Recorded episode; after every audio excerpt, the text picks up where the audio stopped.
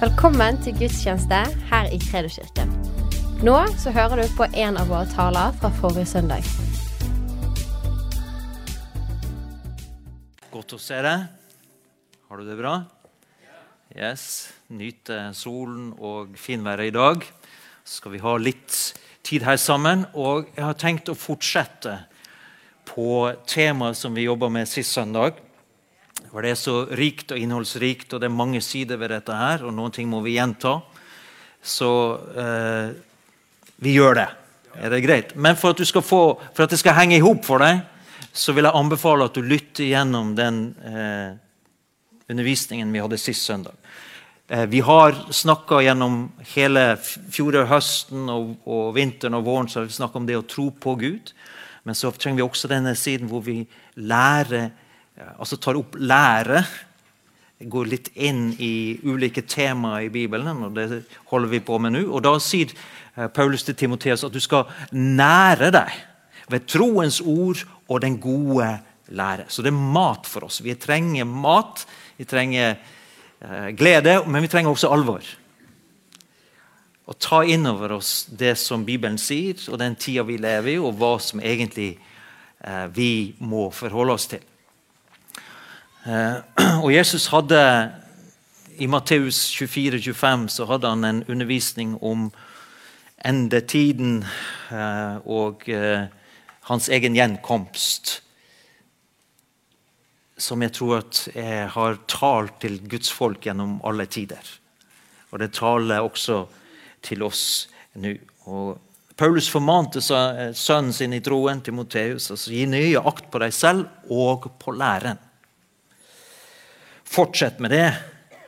For når du gjør det, skal du frelse både deg selv og dem som hører på deg. Så det er utrolig viktig hva vi hører, hvem vi hører på.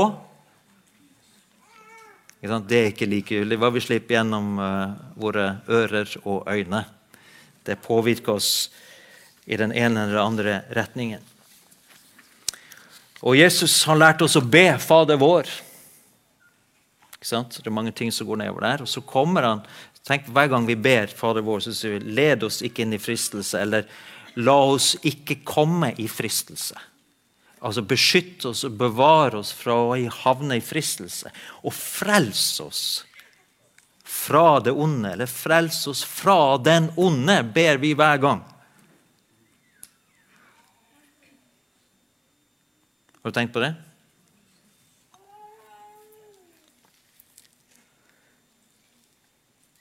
Og når Jesus var i Getsemane og de tre disiplene var der, så, så hadde de problemer med å holde seg våken. Men Jesus sa det, våk og be for at dere ikke skal komme i fristelse.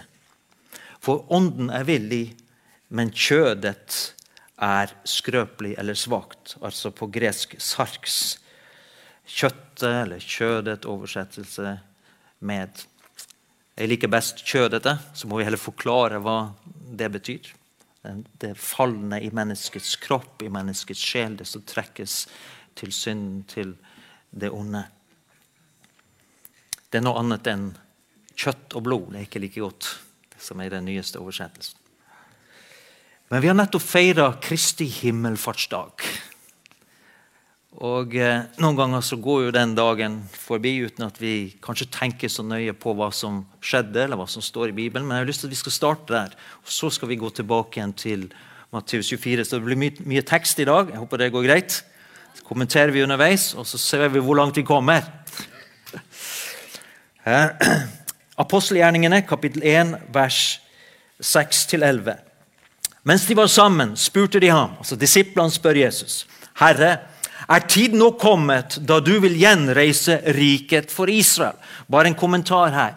Du ser det at Under all den tid Jesus var sammen med disiplene sine, så hadde, han, så hadde de aldri fått den fornemmelsen eller forståelsen av at Israels var tid for forbi, eller at dette riket ikke skulle gjenopprettes, og Gamle testamentets løfter skulle gå i oppfyllelse. De spør han når tid. Er det, er det på denne tiden at riket skal opprettes. Og Da svarer han det er ikke dere gitt å kjenne tider og stunder som far har fastsatt av sin egen makt. Men dere sier han, skal få kraft når Den hellige ånd kommer over dere, og dere skal være mine vitner i Jerusalem og hele Judea, i Samara og helt til jordens ende. Og jeg og du bor jo i Bergen, som er ganske nært jordens ende. Og vi har fått evangeliet. Halleluja, de har gjort en god jobb. Da han hadde sagt dette, ble han løftet opp mens de så på og en sky tok han bort foran øynene deres. For de, som de nå stirret mot himmelen mens han dro bort, sto med ett to menn i hvite klær foran dem og sa, Galilere, hvorfor står dere og ser mot himmelen? Jeg skjønner godt hvorfor de sto og så mot himmelen. De gnidde seg i øynene. Skjer det dette nå? Han for opp. og så ble han oppslukt av en sky. Mest sannsynlig Guds herlighetssky, tror jeg. da. Jeg skjønner veldig godt at de uh, var sjokka. Ja, de hadde opplevd så utrolig mye. Tenk på det her, Det var jo bare 40 dager etter at Jesus hadde stått opp igjen fra de døde. De hadde vært med gjennom påsken, han hadde blitt kors, korsfesta, han hadde gått i graven, han hadde stått opp igjen. og så 40 dager hadde de sett han, vært sammen med han, og så nå plutselig så drar han. Så sier da englene til dem Denne Jesus som ble tatt bort fra dere opp til himmelen, han skal komme igjen på samme måten som dere har sett ham fare opp til himmelen.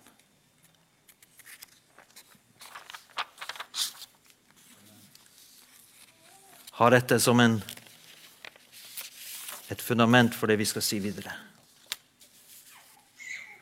Og i, i Matteus, Når vi da går tilbake til Matteus evangeliet, spørsmålet er da på samme måte kommer han tilbake igjen. Når kommer han? Det har vært det store spørsmålet gjennom hele menighetens tidsalder.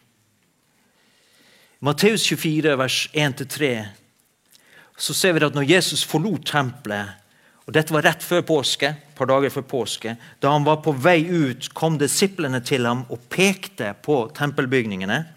Men han sa, ja, se dere alt dette. Sannelig, jeg sier dere, her skal det ikke bli stein tilbake på stein. Alt skal rives ned. Det var jo ikke det de hadde lyst til å høre, for de var veldig stolte av tempelet.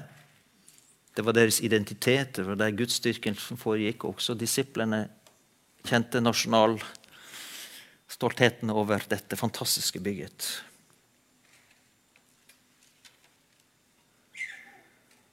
Og så, Derfor så kommer de litt senere, sånn, Da han satt på Oljeberget og disiplene var alene med ham, kom de og spurte si oss, når skal dette skje?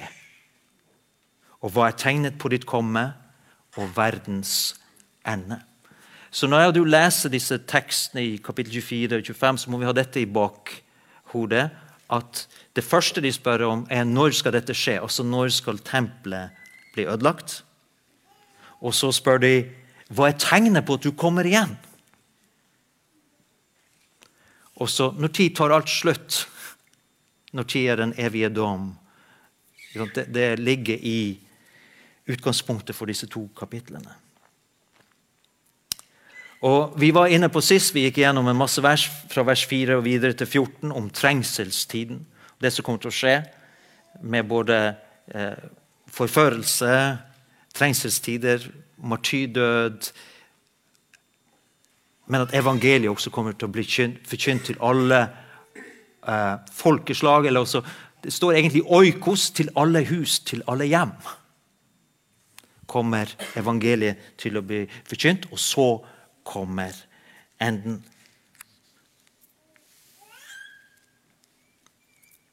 Og Veldig mye av det som Jesus sier, og så sier han også da i i, fra vers 15 til 22 det skal vi heller ikke gå inn på, men det er snakk om den store trengselstiden. Først er det trengselstid, og så kommer det en stor trengselstid. Uh, ja, så du kan lese og studere det nærmere.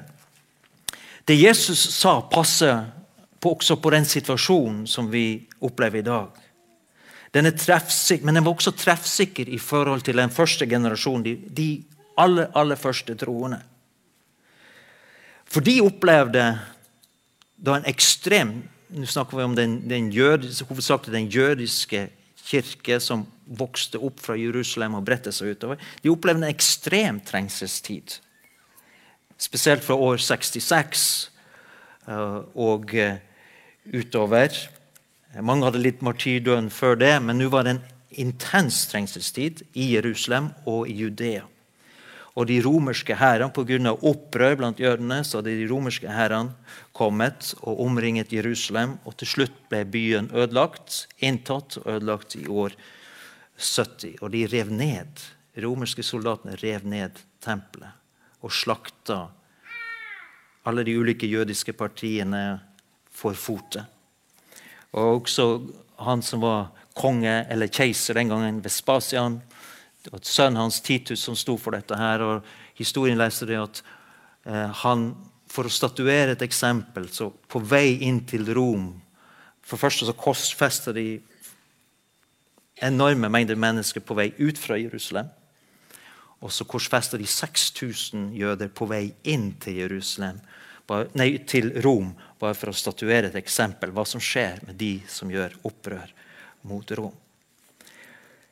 Eh, men vi må tenke oss at de første troende de, de opplevde dette, her, men de husker Jesus sine ord om at når dere ser dette skje, byen blir omringa, så må dere flykte. Og Det var nettopp det de gjør, gjorde. De flykta til, ut av Jerusalem i tide, og de kom seg da til et sted som heter Pella, som er i dagens eh, Jordan. Så var det jo da mange som var fordrevet før dette her utover hele Romerriket. Men de hadde en intens forventning om at nå skjer dette som Jesus har snakka om, og nå kommer han igjen. Og det er jo naturlig, for, for det stemte, det som Jesus sa. Veldig mye av det stemte. gikk i oppfyllelse rett foran øynene på det. Men nå befinner vi oss altså 2000, over 2000 år etter Jesus sin fødsel. Og stemmer det Jesus sa også for vår tid? Og det er et tegn i tiden som jeg og du må lese. Eh, det var en trengselstid for den første menighet rundt år 70 i Jerusalem. Når vi også ser på trengselstiden og Johannes' åpenbaring, Daniels bok osv., så, videre, så ser det ut som det omfatter folkeslagene. Det er liksom Hele kloden kommer inn i en voldsom trengselstid. Og så snakker Jesus til dem om ting de må være obs på og observante på.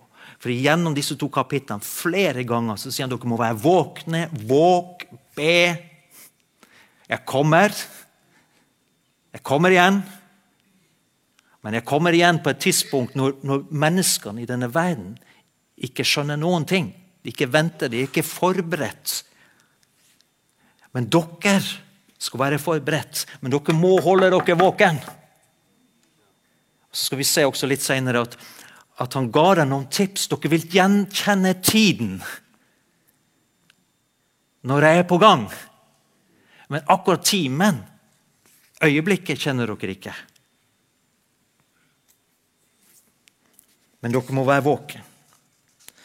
Og så ser vi da at han snakker om, igjen i vers 5, falske Messiaser, eller som snakk, taler falsk lære i Kristus sitt navn. Han snakker om falske profeter. Og Jeg skal ta en sving rundt det og bare for jeg tror det er viktig at vi snakker sant om dette, disse tingene. Eh, for Bibelen sier at falsk lære og falske profeter det var, en, det var Guds menighet som var utsatt, først og fremst. At de falske lærerne, falske profetene, kom opp av, ut av Guds menighet. Og Vi leste noen vers om det sist søndag. Og Det har alltid vært fiendens mål å forføre Guds menighet. For dersom Guds menighet blir infiltrert av løgn, så mister vi kraften til å utføre det oppdraget vi har. Og evangeliet blir forgifta, og det blir uklart.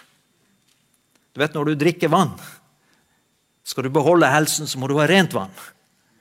Hvis du drikker vann med bare litt gift i,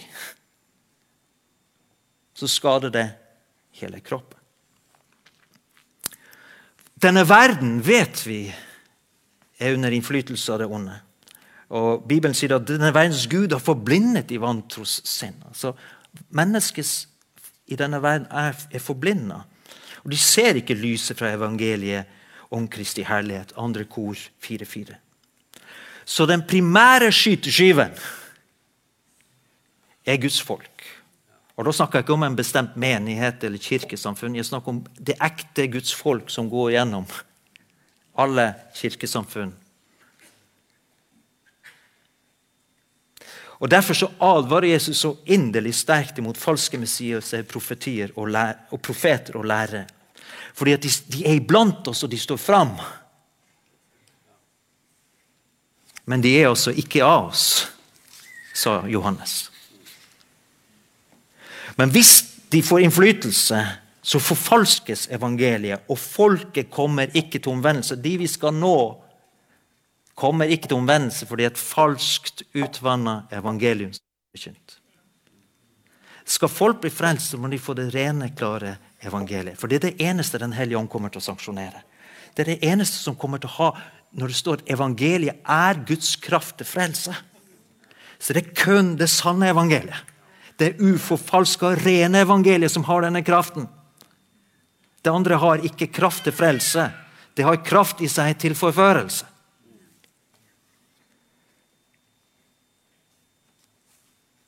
Vi må hjelpe folk til omvendelse. Så Derfor så advarer Bibelen igjen og igjen mot altså dette som oppstår, må skilles ut av Guds menighet. De som farer med vranglære. Helt åpenbart. Bibelen sier det at du skal tilrettevise dem én gang, to ganger. Hvis de ikke hører på deg, skal du ikke ha noe med dem å gjøre. For så farlig er det hvis du tillater det i Kristi kropp.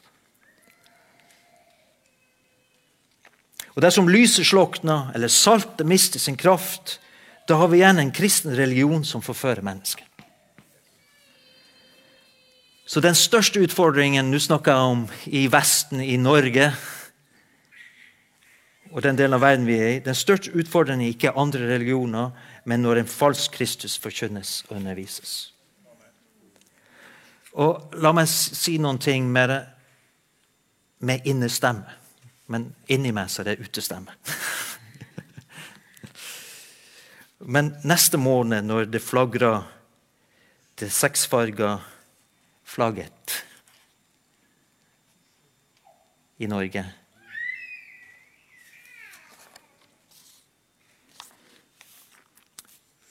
Så når jeg så på 17. mai-toget og så de fantastiske barna som gikk forbi kongen og dronningen og vifta med det norske flagget. Så plutselig fikk jeg et flash, og så plutselig så jeg de med et annet farga flagg. Og du vet at Vi lever i en tid, jeg og du, hvor det største trossamfunnet i Norge, kristne trossamfunn, støtter helhjertet opp om dette. Og skal vi forstå det i beste mening, så er det et ønske om å uttrykke at alle mennesker har samme verdi. Uansett kjønnsuttrykk eller hvordan man praktiserer sin seksualitet. Men problemet er, og det er i et demokrati hvor vi skal lære våre barn å respektere andre mennesker som er annerledes Men Utfordringen er, problemet er, at bak dette her så kommer det nå, og den har allerede begynt, men det kommer nå en flodbølge av forfølelse og infiltrasjon av norske barn, Vestens barn og tenåringer. Og det er en ekstrem seksualisert kjønnsteori som har fått innpass i det offentlige i Norge. Og Den påvirker mange i skoler og i barnehager. Dette er et endetidstegn. Vi må skjønne hvilke tider vi lever i. Og når Guds menighet støtter dette, altså kirker støtter dette For Det som er så farlig med dette, her, det er at det sås inn tanker og ideer i små barn som potensielt gjør dem usikre på sitt eget kjønn. Et lite barnesinn er åpent. Og så i veldig tidlig alder så blir de da oppfordra til å utforske sin egen seksualitet på seg sjøl, med det motsatte kjønn, med det samme kjønn. Bare prøv å utforske, så finner du ut hva du er. Og det er en agenda om at dette skal inn og fullt ut inn i skoleverket. Allerede fra de er ni år. Hæ? Ja, enda tidligere, men i hvert fall ni år. Og så skal de tilvennes gjennom barnehagen.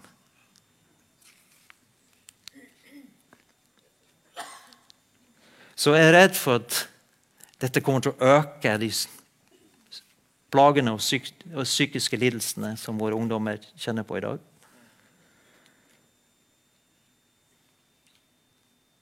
Fordi at barn sinn er så sårbare. Det du putter inn, det får du ut. Ikke sant? Så kommer det inn en tanke. Hvis den tanken får næring, så vokser den. Og så begynner det å skape følelser. Og så, når følelsen blir sterk nok, så handler du på det. Tester det ut, praktiserer. Sitter du i saksen.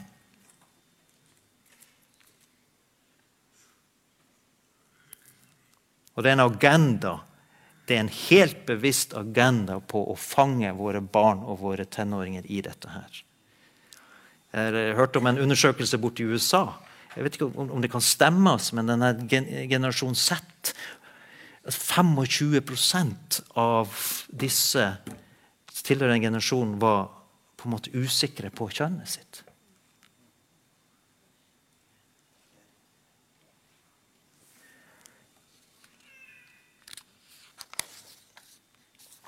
Så man har altså i full offentlig lys sluppet inn reven i hønsegården eller ulven i, ulv, i, i saueflokken. Men jeg skal si deg en ting. Det er fullt mulig å lære barn og tenåringer å vise respekt og ikke hetse andre mennesker som, som er annerledes eller lever annerledes enn de sjøl, uten at du skal pushe dem inn i sånn som dette her.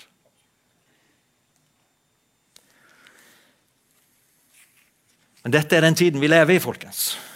Let's wake up. Og som, eh, snakker jeg som hyrder, Olav, meg sjøl og eh, pastorteamet her og andre. Vi opplever at vi er ansvarlige å snakke ærlig og direkte med Kredo-kirken om dette her. For det her er vi satt til. Og vi vil også snakke til den delen av kristen, Kristi kropp som er villig til å høre på oss. De som ikke vil høre, det kan vi ikke gjøre noe med. Men vår primære oppgave, i tillegg til å beskytte menigheten, beskytte deg og din familie og din slekt så godt vi kan fra forførelse og gi deg rent vann Passe på at vi sjøl lever i ydmykhet og i renhet, i nåden. Så er vår primæroppgave også å forkynne de gode nyhetene. Hjelpe mennesker uansett hva de er fanga i, uansett hvilke omstendigheter, hva, er, hva synden har gjort med dem. Gi dem de gode nyhetene om frelse, en ny start, helbredelse, gjenopprettelse. Det er de gode nyhetene, det er evangeliet. Derfor skal vi elske alle mennesker, uansett hva det er, inderlig. Samtidig som vi er tydelige og sylskarpe. For dette er denne falske lære som angriper mennesket skapt i Guds bilde. Kjernen i Guds storverk. Der må vi tale sant. Så hva skal vi gjøre med dette her? Vi skal forkynne evangeliet, så tror jeg jeg ber om at Gud skal reise opp menn og kvinner som, som kan ta denne, virkelig ta saken i det offentlige rom. Som virkelig kan ta det i det politiske, virkelig kan ta det i, i debatter. og eh, Og vi skal heie og be for dere. Fordi at vi er nødt til å gjøre opprør mot dette her. Dette er Og som foreldre, som besteforeldre, så må vi påse at våre barn, våre barnebarn, ikke blir utsatt for denne propagandaen i skole eller barnehage. Som foreldre, du har ansvaret, jeg har ansvaret, vi har ansvaret, i hvert fall til de 18 år. så er din stemme veier tyngst. Så du må snakke med læreren, snakke med rektor, snakke med de som er ansvarlig for barnehagen. Høre hvordan praktiseres dette her. Hva er det dere underviser? Er det noen markeringer? Er det noen feiringer her som i det hele tatt kommer til å påvirke mitt barn? Det er din rett.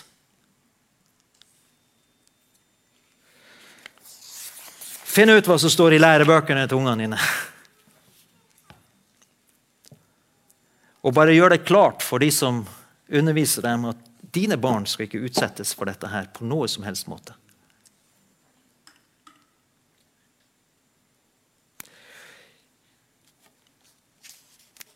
Ja. Så i Bergen så er det barnefestival. De som skal redde barna, lokker med is og brus og drag queen-show.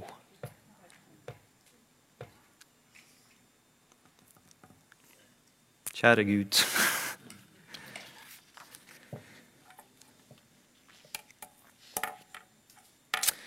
Nå har jeg sagt det. Så nå hopper vi tilbake igjen til teksten.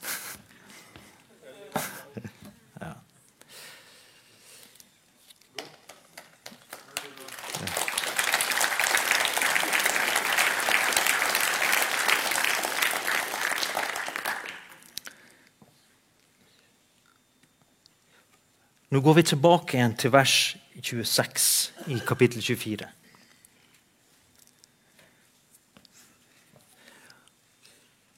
Om de altså sier dere, se han er ute i ødemarken, så gå ikke dit ut. Eller se han er i et rom der inne, så tro det ikke. For slik som lynet går ut fra øst og lyser like til vest, slik skal det være når menneskesønnen kommer. Hvor åtsle er, vil gribbene samles.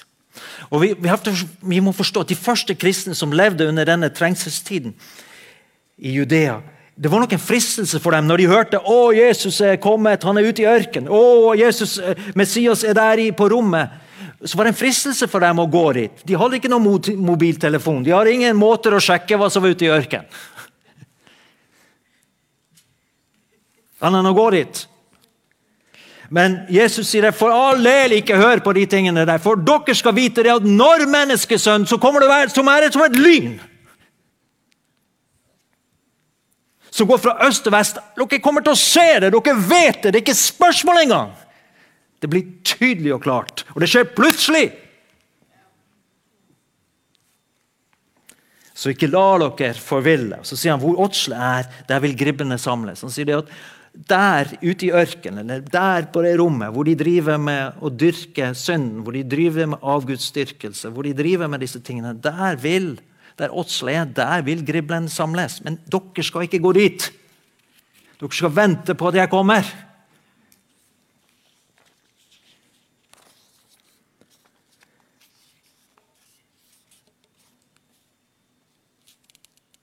Så, vi vers, så går vi til vers 29. Så sier han så snart denne trengselstiden er over, skal solen bli formørket og månen miste sitt lys. Stjernen skal falle ned fra himmelen, og himmelens krefter skal rokkes. Da skal menneskesønnens tegn vise seg på himmelen. Da skal alle folkeslag på jorden bryte ut i klagerop. De skal se menneskesønnen komme på himmelens skyer med stor makt og herlighet. Når basun lyder, skal han sende ut sine engler, og de skal samle hans utvalgte fra de fire verdenshjørner, fra den ene enden av himmelen til den andre, sier Jesus. Wow! Hva er det som står her, egentlig? Altså, det, det kommer til å rokkes i hele himmelrommet. Og så sier at Det kommer et tegn på himmelen. Og Folkeslagene kommer til å bryte ut i klagerop. Og de skal se menneskesønnen komme på Hva var det vi leste om skyen? ikke sant? På samme måte som dere ser han opp, skal han komme tilbake igjen. Her har du det igjen. Menneskesønnen kommer på skyer med stor makt og herlighet. Når basun lyder Så det er, det er, en himmelsk basun eller en himmelsk trompet som kommer til å lyde. Den kommer til å runge, den kommer til å gå rundt jorda.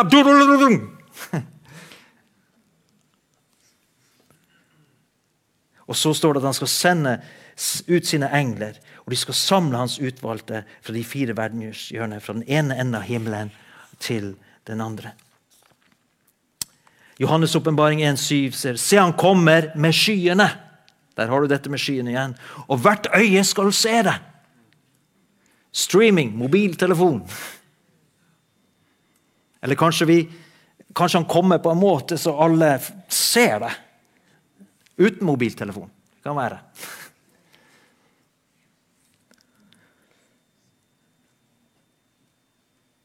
Og Dette som står her, dette som Jesus sa, det samsvarer med Paulus sier i 1. Tessalonikerbrevet 4, vers 13-18.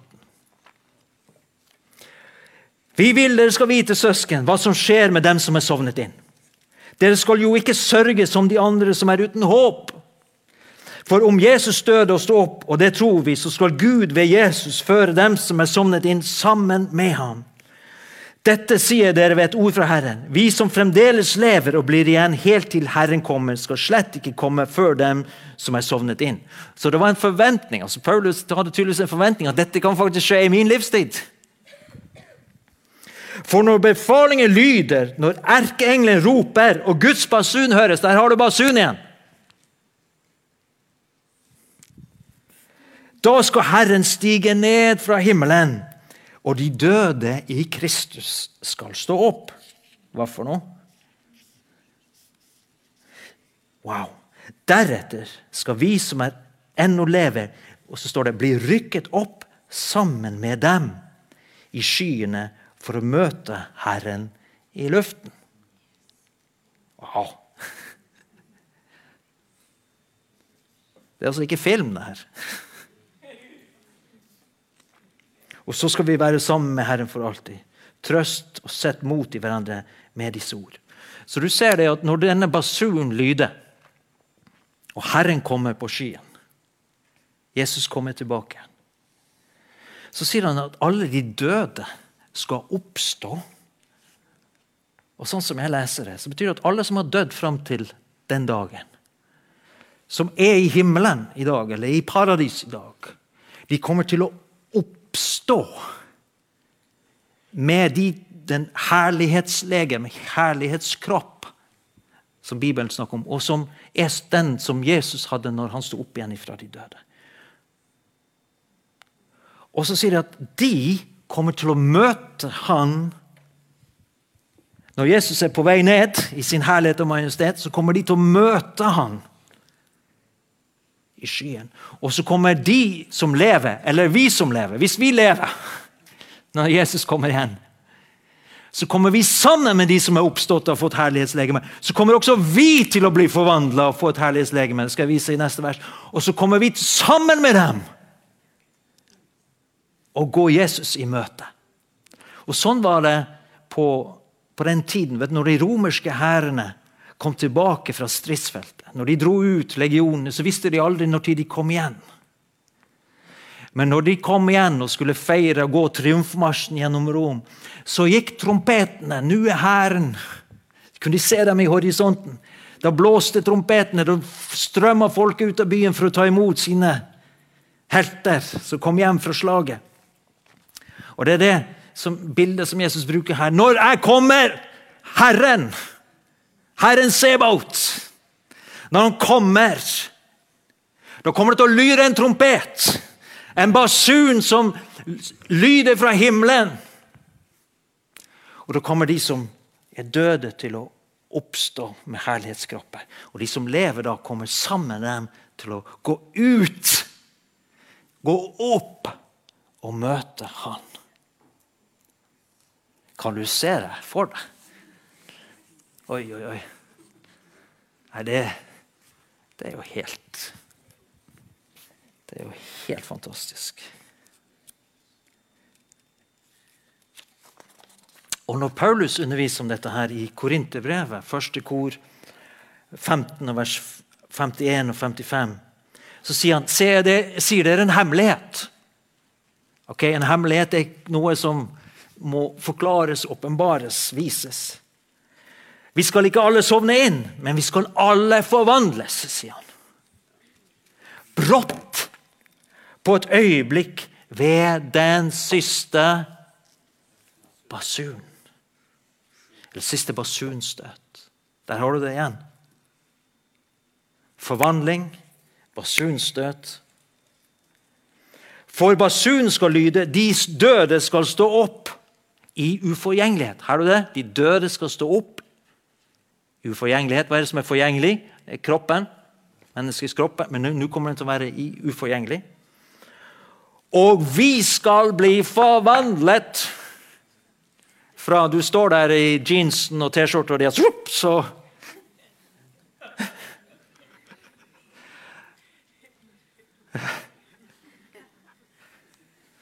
Wow. Kjolen din blir plutselig full av herlighet. Og kroppen blir forvandlet.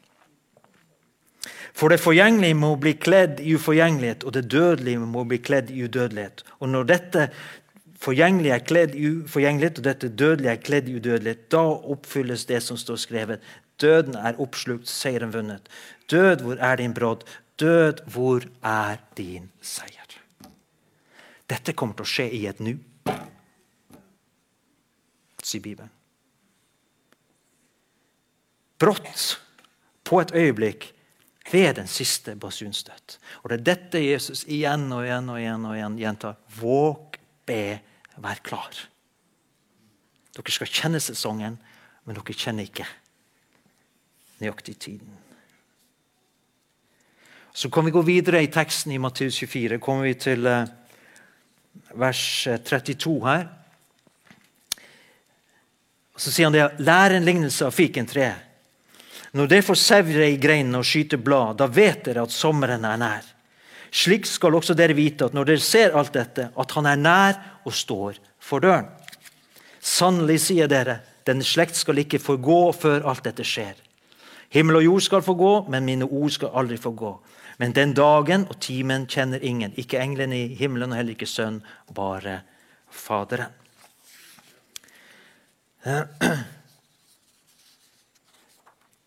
Og veldig, altså Flere steder, bl.a. i Jeremia, så ser vi det at Israel, altså folket Israel, eh, sammenlignes da med fikentre. Og Her sier Jesus når dere ser greinene skyte blad, altså sevjegreinene og, og, og de skyter blad, da vet dere at, sommeren er nær. Vi kjenner sesongen. Det er mai. Har du sett blomstene på frukttrærne? Du vet at etter mai kommer juni. Halleluja, så kommer juli. Så sier han at sånn skal dere også vite når dere ser alt dette, at han er nær og står for dør. Eh, og, og, det skal vi ha i mente, at ja, du lever i en helt spesiell tid i historien. For etter år 70, når de da mista altså, tempelet i Jerusalem. Eh, så noen historikere hevder at to tredjedeler av jødene ble drept i den perioden. her. Og så ble de spredt utover hele verden. Det var ingen etter den tid som klarte å forestille seg at det var mulig at dette folket noen gang skulle ha sjanse til å komme tilbake til Jerusalem og innta dette landet. Det var, hadde aldri skjedd før i historien. Det var alltid når folk ble spredt utover, enten så ble de utsletta eller mista sin identitet. Mistet, når de mista landet, mista identiteten. Men på forunderlig vis så ble dette folket bevarte sin identitet.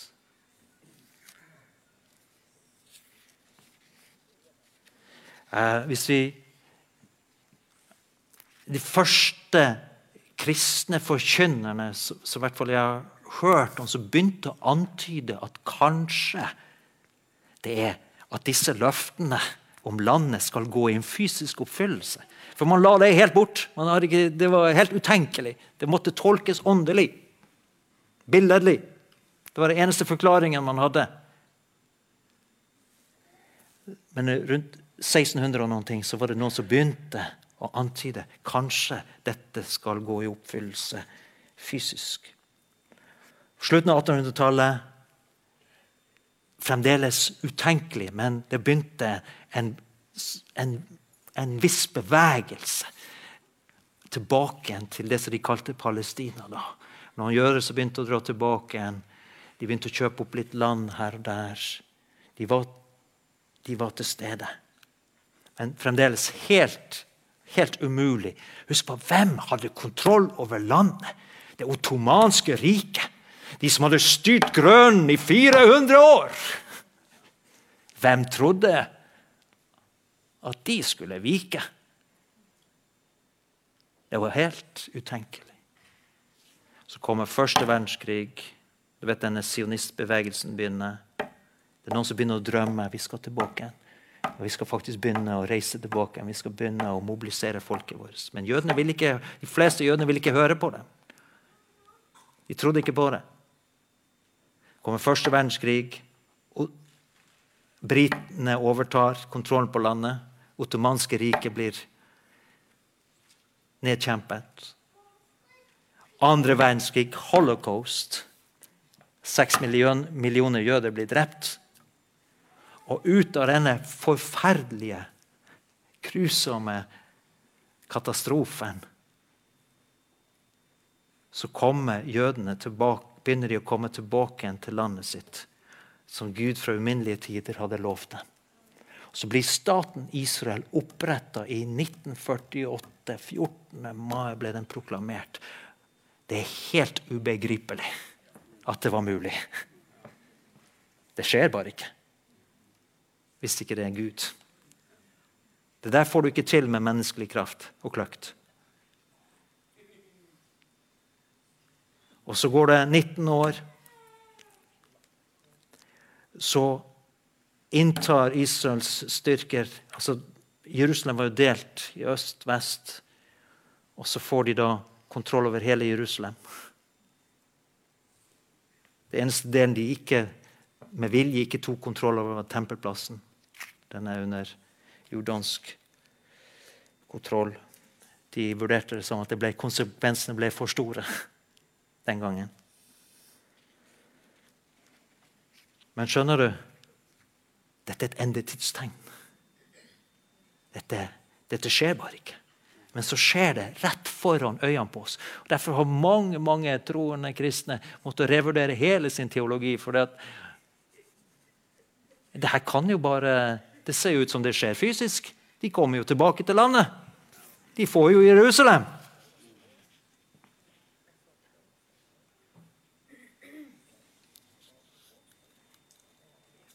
Det forteller oss at vi er nære. Og så var det dette med denne generasjonen. Husker du det? Vi leste det. Spørsmålet er Jesus. Hvem, hvem er den generasjonen? Jeg skal ikke spekulere for mye. Men la oss anta da, at han snakker om den generasjonen som ble født i hvert fall i 1948. Hvor lang tid har det gått siden den gang? Da er vi 75 år. Hvis det er den generasjonen Jesus snakker om Om ti år er de 85. 20 år er de 95. Wow, kjenner du på spenningen? Oh! Oi, oi, oi. It's happening. Også, men så sier Jesus, eh, skal vi, vers 37, som i Noas dager skal bli når menneskesønn kommer. For i tiden før storflommen spiste og drakk de, gifta seg, gifta bort, helt til den dagen Noah gikk i arken. Og de skjønte ingenting før flommen kom og tok dem alle. Slik skal det være når menneskesønn kommer. Men du har øyne som ser, du har ører som hører, for du har Den hellige ånd. Og Den hellige ånd i deg sier, 'Kom, Jesus. Kom.' Det er et rop inni deg. Det er en lengsel inni deg. Om du har kjent igjen den eller ikke, det vet ikke jeg, men den er der. Den hellige ånd sier 'kom'. Bruden sier 'kom'. Kom, Jesus. Kom. Og så fortsetter han da. Slik skal det være når menneskesønnen kommer. Da skal to menn være ute på markene. En blir tatt med, en blir igjen. To kvinner skal male på kvernen. En blir tatt med, en blir igjen. Og så, så fortsetter Jesus. Så våg, da. Vær våkne. For dere vet ikke hvilken dag deres Herre kommer. Men det skal dere vite. Dersom husherren visste når på natten tyven kom, da ville han våke og ikke la han bryte seg inn i huset. Så han bruker egentlig et negativt bilde. her. Selvfølgelig, Hvis du visste det kom en tjuv og brøt seg inn i morgen, så vil du holde deg våken. Du vil låse døra, sette på alarmen, ringe politiet, innkalle Securita. Derfor må også dere være forberedt. Og når Jesus sier 'må', så betyr det 'må'. Dere må være forberedt, for menneskesønnen kommer i den timen dere ikke venter det. Oh. Og så kommer jeg ikke inn på skjer dette nuet, plutselige Jesus kommer tilbake i skyen. Skjer det før den aller siste intensive syv årene med trengselstid? Eller eh, skjer det etterpå? Eller det, den greien går jeg ikke inn i nå.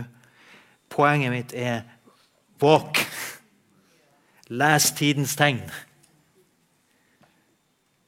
Og skjønn hvilken tid vi lever i. Og det er bare én måte å leve på i denne tiden. Det er som overgitte disipler av Jesus Kristus. Helhjerta, all in. Fordi motkreftene er så sterke, om du vil. Men vi kommer også til å oppleve en, den største innhøstningen noen gang i historien. Midt i at alle disse tingene skjer. Og vi opplever det egentlig. Hvis du går til Latin-Amerika, til Afrika, til deler av Asia det skjer, I Midtøsten skjer helt ekstraordinære ting i vår tid. Og vi ber og tror at det også skal skje i vårt land, blant vårt folk. Så Disse tingene ser ut som de kommer til å gå parallelt. Men jeg har bedt Gud, og vi har bedt Gud gi oss mer tid. Så vi kan fullføre oppdraget. Og så skal, Hva skal vi være opptatt av? Det tok vi sist. og jeg bare tar en liten sving om det. Hvem er da den tro og kloke tjeneren vers 45, som Herren har satt over de andre tjenerne for å gi dem mat i rett tid? Lykkelig er den tjeneren som Herren finner i arbeid med dette når han kommer. Sannelig, jeg sier dere, Herren skal sette ham over alt han eier. Når du er travelt opptatt med å gi mat til folket, dele Guds ord, dele kjærlighet, ta hånd om folk sier Jesus. Når jeg kommer, hvis du er opptatt med det, så kommer jeg til å sette deg over alt jeg eier. Og så har vi disse tre lignelsene. ikke sant? Jomfruene til jomfruene.